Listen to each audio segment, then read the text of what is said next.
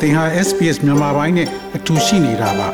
sbs.com.au/burmese မှာပုံမထူးခဲ့တဲ့သတင်းစာမားတွေကိုရှားဖွေပါ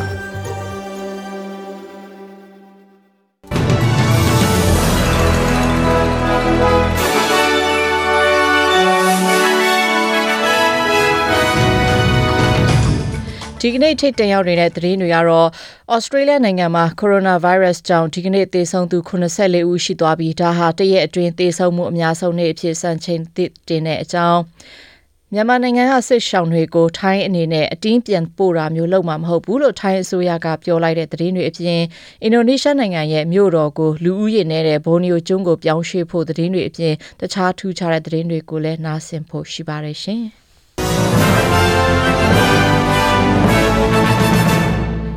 ဩစတြေးလျနိုင်ငံတလွှားမှာဒီကနေ့ကိုဗစ်ကြောင့်သေဆုံးသူ84ဦးရှိပြီးဒါဟာဩစတြေးလျနိုင်ငံအတွက်သေဆုံးမှုအများဆုံးနေ့ဖြစ်ပါတယ်။ Victoria ပြည်နယ်မှာဒီကနေ့ကူးစက်သူ2180ဦးရှိပြီး22ဦးသေဆုံးခဲ့ရပါတယ်။ Victoria ပြည်နယ်ရဲ့မြို့ပြဆေးရုံတွေအားလုံးနဲ့နယ်ဒေသကဆေးရုံ6ခုကိုအညိုရောင်အဆင့် Code Brown အဖြစ်သတ်မှတ်လိုက်ပါတယ်။ ပြည်နယ်အတွင်းအတွင်းမှာအမှုတန်း9000လောက်ကိုဗစ်ကြောင့်အလုပ်မလုပ်နိုင်တဲ့အနေအထားဖြစ်နေပြီးမနေမနှင်းမှုတွေဖြစ်နေတဲ့အတွက်အဲ့ဒီအဆင့်ကိုကြီးညာချင်းဖြစ်ပါတယ်။ဒီလိုအဆင့်သတ်မှတ်ချက်ကအချိန်တစ်လကနေတစ်လခွဲလောက်အထိကြာနိုင်ပြီးဒီကာလအတွင်းမှာတကယ့်အရေးပေါ်လူနာတွေကိုသာကြည့်ရှုနိုင်မဲ့အနေအထားမျိုးဖြစ်တယ်လို့ပြောပါတယ်။အဲ့ဒီကာလအတွင်းအမှုတန်းတွေကိုတခြားနေရာပို့ဆောင်ပြီးအလုပ်လုပ်စေတာတွေခွင့်ရဲကိုရွက်ရှိရဲရွှေ့ဆိုင်ပြီးယူခိုင်းတာမျိုးတွေလည်းလုပ်နိုင်ပါတယ်။ New South Wales ပြည်နယ်မှာတော့ဒီကနေ့ကူးစက်သူ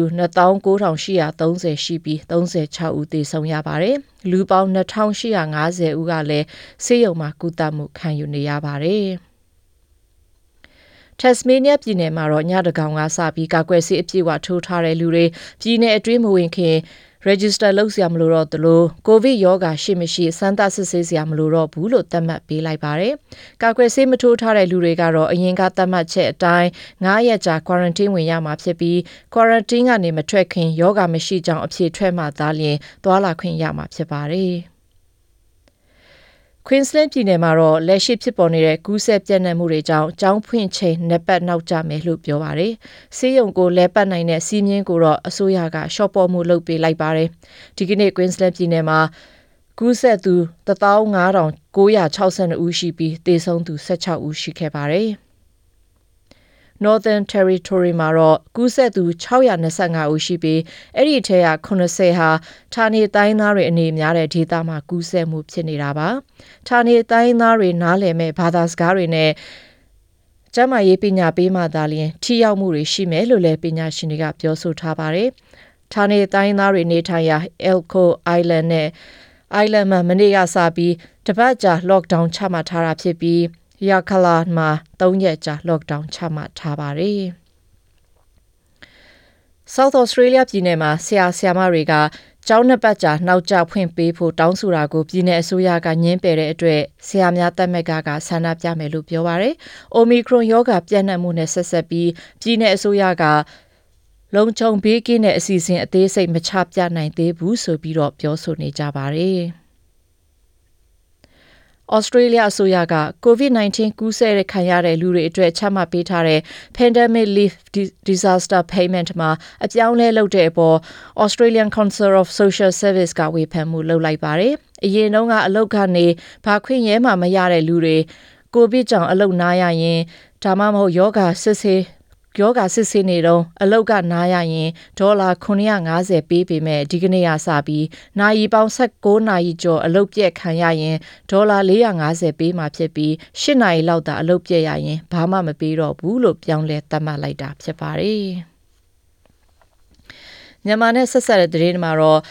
မြန်မာနိုင်ငံကစိတ်ရှောင်တွေကိုအတင်းအဓမ္မပြန်ခိုင်းတာမျိုးလုပ်မှာမဟုတ်ဘူးလို့ထိုင်းနိုင်ငံအစိုးရကပြောဆိုလိုက်ပါတယ်မြန်မာနိုင်ငံဆိုင်ရာကုလသမဂ္ဂရဲ့အထူးကိုယ်စားလှယ်စင်ကာပူနိုင်ငံသူနို နိုလင်းဟေဇာနဲ့ထိုင်းနိုင်ငံမှာလာရောက်တုန်းအစိုးရရဲ့ပြောခွင့်ရသူကပြောတာဖြစ်ပါတယ်မြန်မာနိုင်ငံဆိုင်ရာကုလသမဂ္ဂရဲ့အထူးကိုယ်စားလှယ်ဟာကြာသပတေးနေ့တုန်းကအာဆီယံဥက္ကဋ္ဌဖြစ်ဆောင်ရွက်နေတဲ့ကမ္ဘောဒီးယားဝန်ကြီးချုပ်ဟွန်ဆန်နဲ့တွေ့ဆုံဆွေးနွေးခဲ့ပြီးဆွေးနွေးခဲ့ပြီးတော့ဒီရက်ပိုင်းတွင်းမှာထိုင်းနိုင်ငံကထိပ်သီးခေါင်းဆောင်တွေနဲ့မြန်မာအရေးကိုအရေးကိုဆွေးနွေးကြတာဖြစ်ပါတယ်။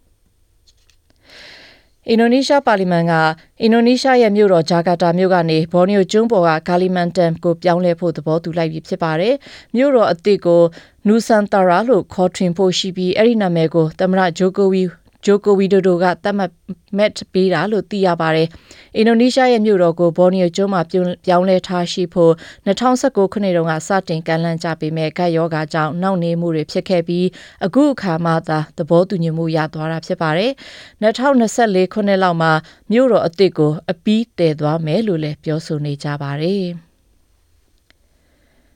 ဩစတြေးလျနိုင်ငံကြက်ချင်နေအသင်းရဲ့သွေးစုဆောင်ရေးဌာနကကိုဗစ်ကနေတက်တာလာတဲ့လူတွေသွေးလူချင်းရင်စောင့်ဆိုင်ရမယ့်ကြာချိန်ကိုရှော့ပေါ့ပေးလိုက်ပြီးဖြစ်ပါတယ်။အရင်တုန်းကကိုဗစ်ကနေတက်တာပြီး28ရက်အကြာမှသွေးလူနိုင်မယ်လို့သတ်မှတ်ပေးမဲ့တောက်ကြနေရစပြီးယောဂပျောက်ကင်းပြီး9ရက်အတွင်းမှာလူနိုင်တော့မှာဖြစ်ပါတယ်။တရက်မှာသွေးအလူရှင်9500လောက်လိုအပ်နေချိန်မှာကိုဗစ်နဲ့ဆက်ဆက်ထားရှိတဲ့သတ်မှတ်ချက်တွေကြောင့်တရက်မှာလူအယောက်4500လောက်သွေးလူဖို့ရက်ချိန်ပြောင်းလဲရွှေ့ဆိုင်ရတာမျိုးတွေဖြစ်ပေါ်နေတယ်လို့ပြောပါ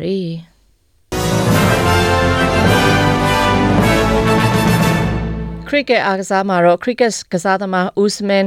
ခါဝါဂျာဟာသူ့အသင်းသားတွေအနိုင်ရဖို့အောင်ပွဲခံတဲ့အနေနဲ့ရှမ်ပိန်းပလင်းတွေဖောက်ပြီးဓာတ်ပုံရိုက်ဖို့လုပ်တဲ့အခါမှာသူကထွက်သွားတာကိုတတိထားမိလို့အသင်းသားတွေကပလင်းတွေကိုချထားလိုက်ပြီးအရင်ဓာတ်ပုံရိုက်ဖို့လှုံ့ဆော်တဲ့အပေါ်မှာချီးကျူးပြောဆိုလိုက်ပါတယ်။သူဟာမွတ်စလင်ဖြစ်တာကြောင့်အရက်သေးစာရှောင်ရှားသူဖြစ်လို့ရှမ်ပိန်းပလင်းဖောက်ပြီးအောင်ပွဲခံတဲ့အခါမှာထွက်ခွာဖို့ပြင်ဆင်ခဲ့တာဖြစ်ပါတယ်။သူအဲ့ဒီလိုထွက်သွားတာကိုအသင်းကောင်းဆောင်ကတတိထားမိပြီးပလင်းမဖောက်တော့ပဲသူနဲ့အတူစင်ပေါ်မှာအရင်ဓာတ်ပုံရိုက်ဖို့ပြောဆိုလာတဲ့အတွက်သူ့အသင်းသားတွေသူ့အပေါ်တကယ်နားလည်ပေးကြတယ်သူ့ကိုထိန်ချံမှုမလုပ်ဘူးဆိုပြီးတော့ချီးကျူးပြောဆိုခဲ့တာဖြစ်ပါတယ်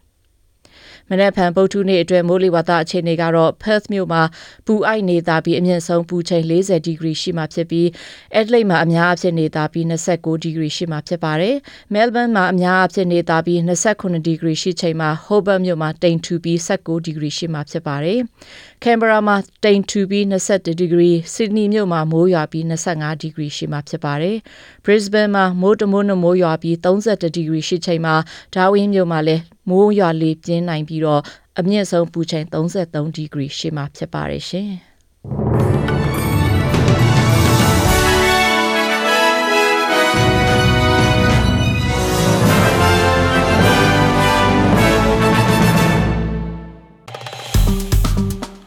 SPS မြန်မာပိုင်းကို Facebook ပေါ်မှာ like ရှာပြီး like မျှဝေမှတ်ချက်ပေးပါ